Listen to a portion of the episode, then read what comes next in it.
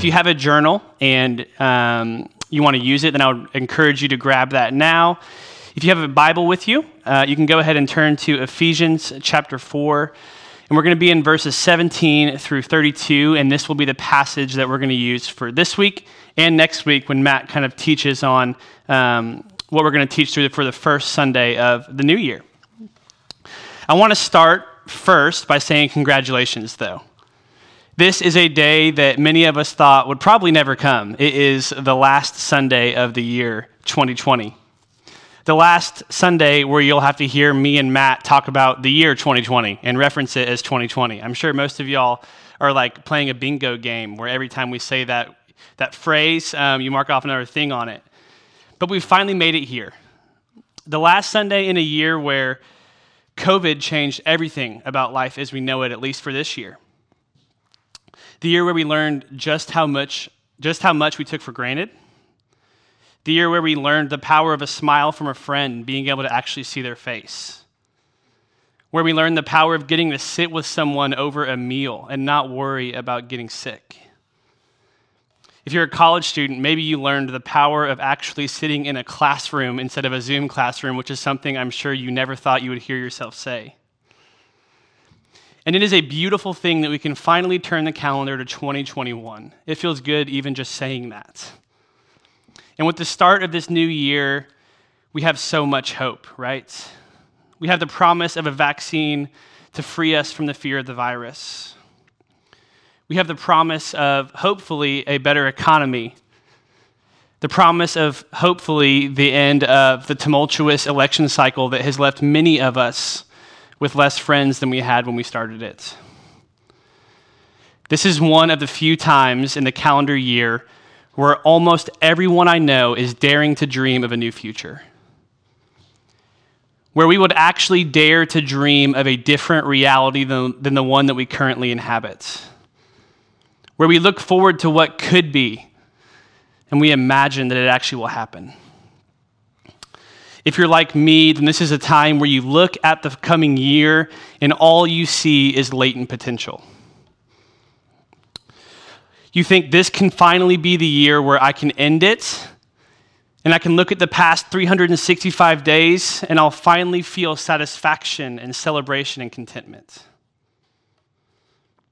Isn't it fascinating that New Year's resolutions are so rarely met by any of us, and yet that hardly stops us from making them. And I'm not counting any of you who think of yourselves as resolutions hipsters and make goals but don't call them resolutions.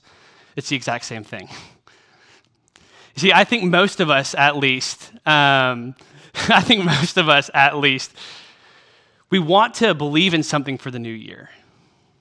Even if, like I said, if we don't call it a resolution, we dream of what we could be, and we realize that we all have a deep hunger that is deep inside of us that tells us we were created for more. A hunger and a conviction to be people who live lives of purpose and holiness and gratitude and contentment and everything that we just taught on in Advent.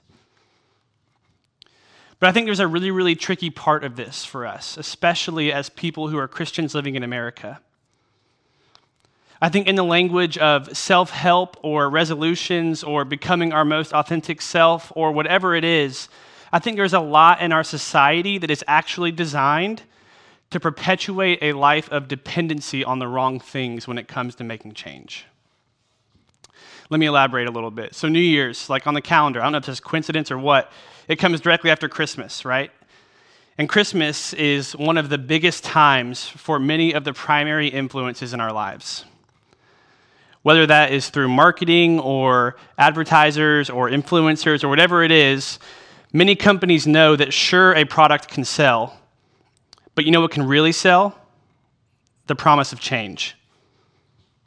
See, many of the products that we, will, that we will buy for ourselves with our Christmas money, if you get Christmas money, or maybe you just bought for somebody, or maybe you're asking for, or whatever it is, many of these products, they come not just as a product in and of itself, they come as a promise of a different life a life of happiness, of satisfaction, and finally becoming the person that we desire to be deep down. Trust me, I know this is how it works. I've seen every single episode of Shark Tank. Take, for example, a Fitbit or a Whoop.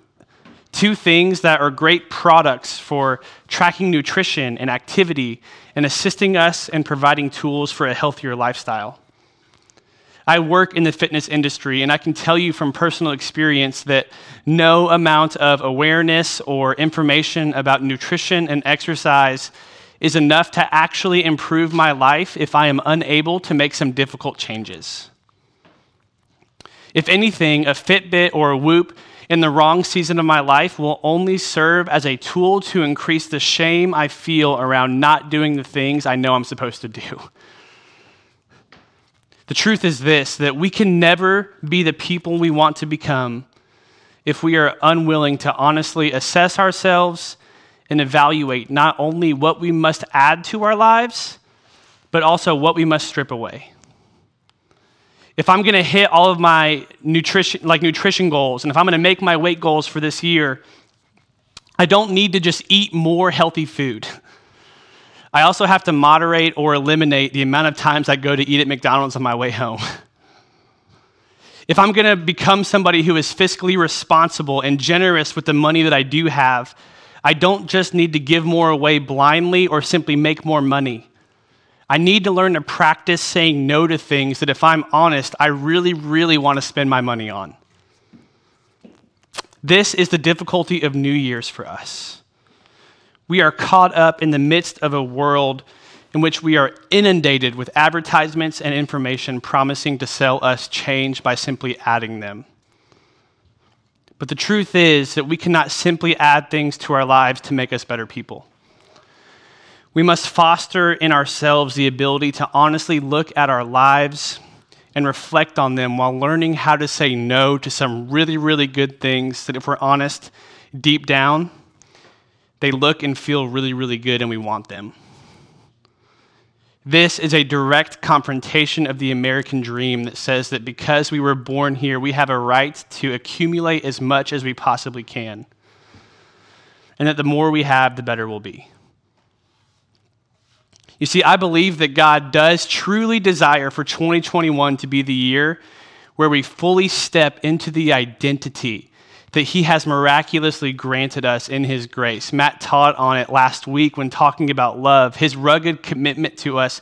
I think that God does want this year to be the year where we look back and we see the transformation of that grace.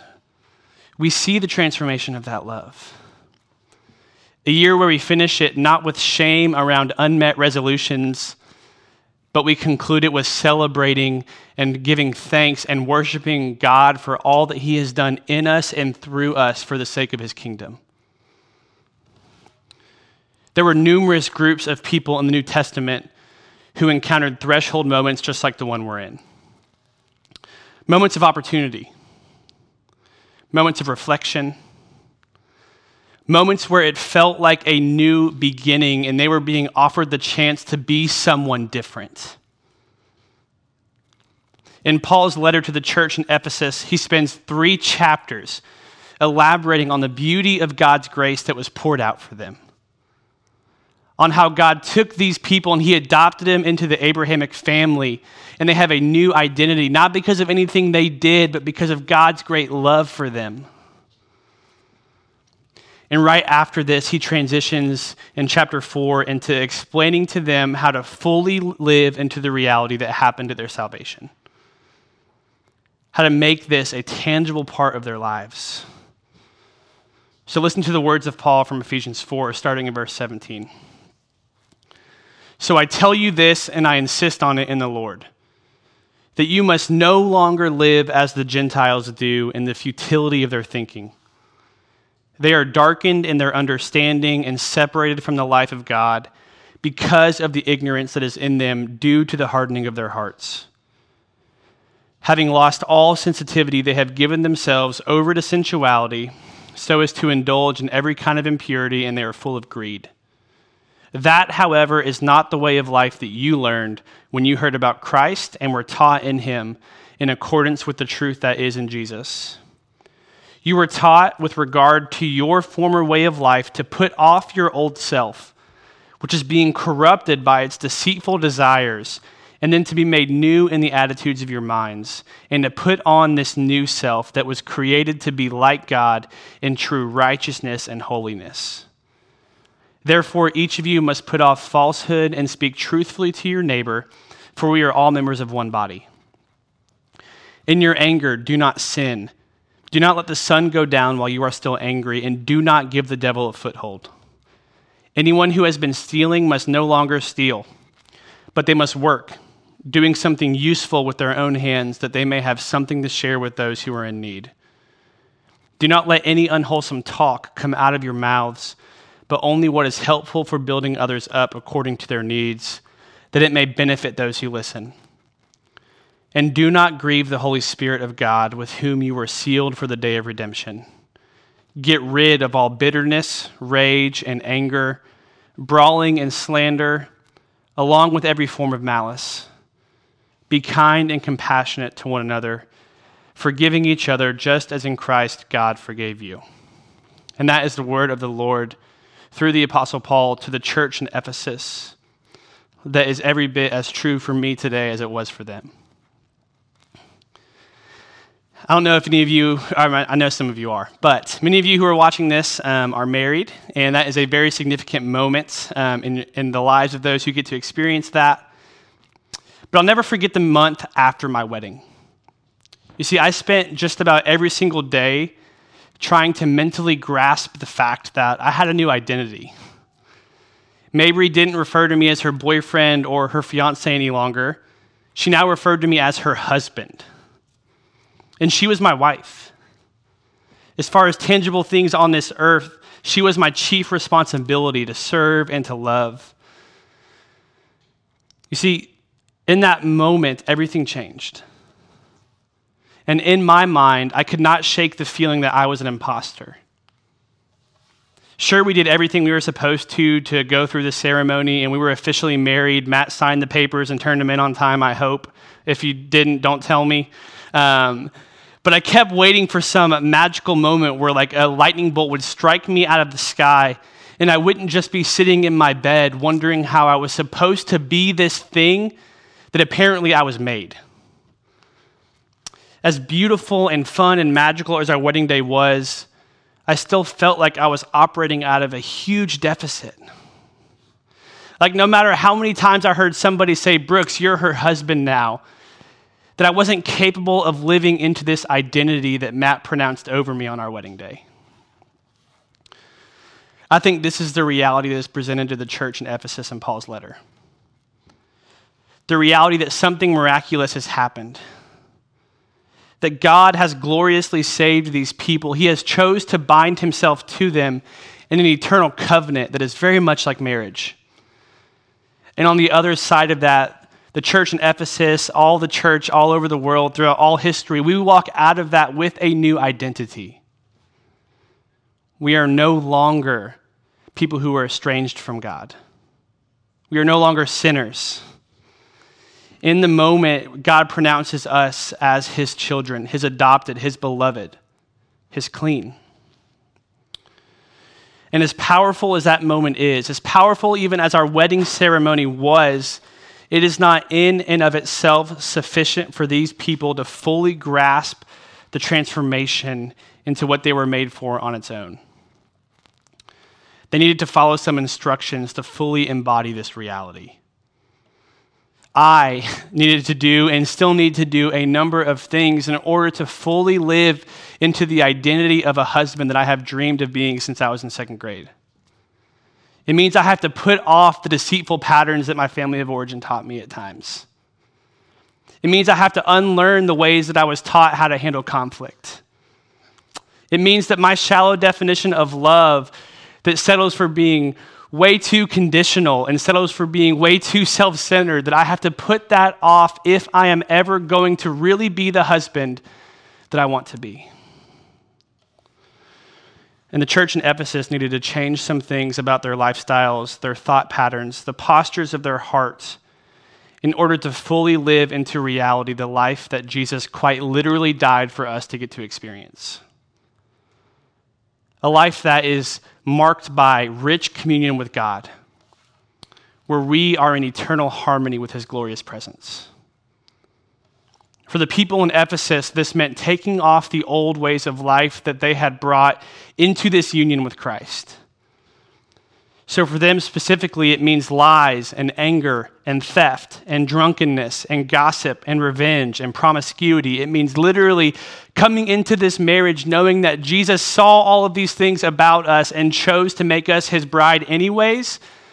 But despite that, because of his love for us, we want to put these things off as best as we can for him trusting much like in a marriage that even the most embarrassing and shameful and deceptive parts of us are taken into consideration from God. And that his promise is still faithful to not only walk with us through them, but to love us the entire process as we learn to put them off, just like the church in Ephesus tried to. And so maybe that list that I just read to you, that Paul wrote to the church, maybe it sounds little more than a list of do nots. And maybe when you're in a church setting or a church anywhere and you hear a list of do nots, like your first reaction, without even thinking about it, is your heart to build these walls around it because all you hear is church and do not, and you immediately start to hear the shameful and the hurtful and the toxic patterns that you may have been taught earlier in your life. You start to see a God in the sky who is perpetually disappointed and condescending and impossible to appease. Maybe rather than that list or any list in general, you resonate with the state of the Ephesians more that Paul describes. It took me like so many years of my life reading this passage to actually notice what Paul says. He says that these were a people whose thoughts on life feel pointless and without purpose, that their thinking feels futile. Does thinking about life right now feel futile to you? a people who have lost all sensitivity to God. their reality when describing their relationship with God is basically a blank page. They feel nothing. They feel no promptings from the Holy Spirit. They cannot hear a God or even imagine a God who is so real that he would speak to them. A people whose hearts are basically one big callus. And I don't say that as a pejorative.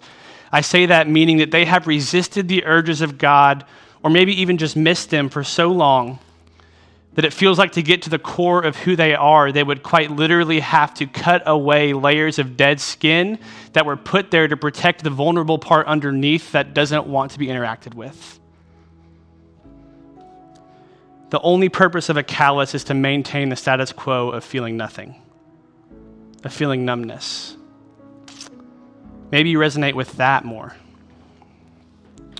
Or maybe you're like the church in Ephesus who are people who are so sick, so sick of the nothingness that they will settle for sensuality.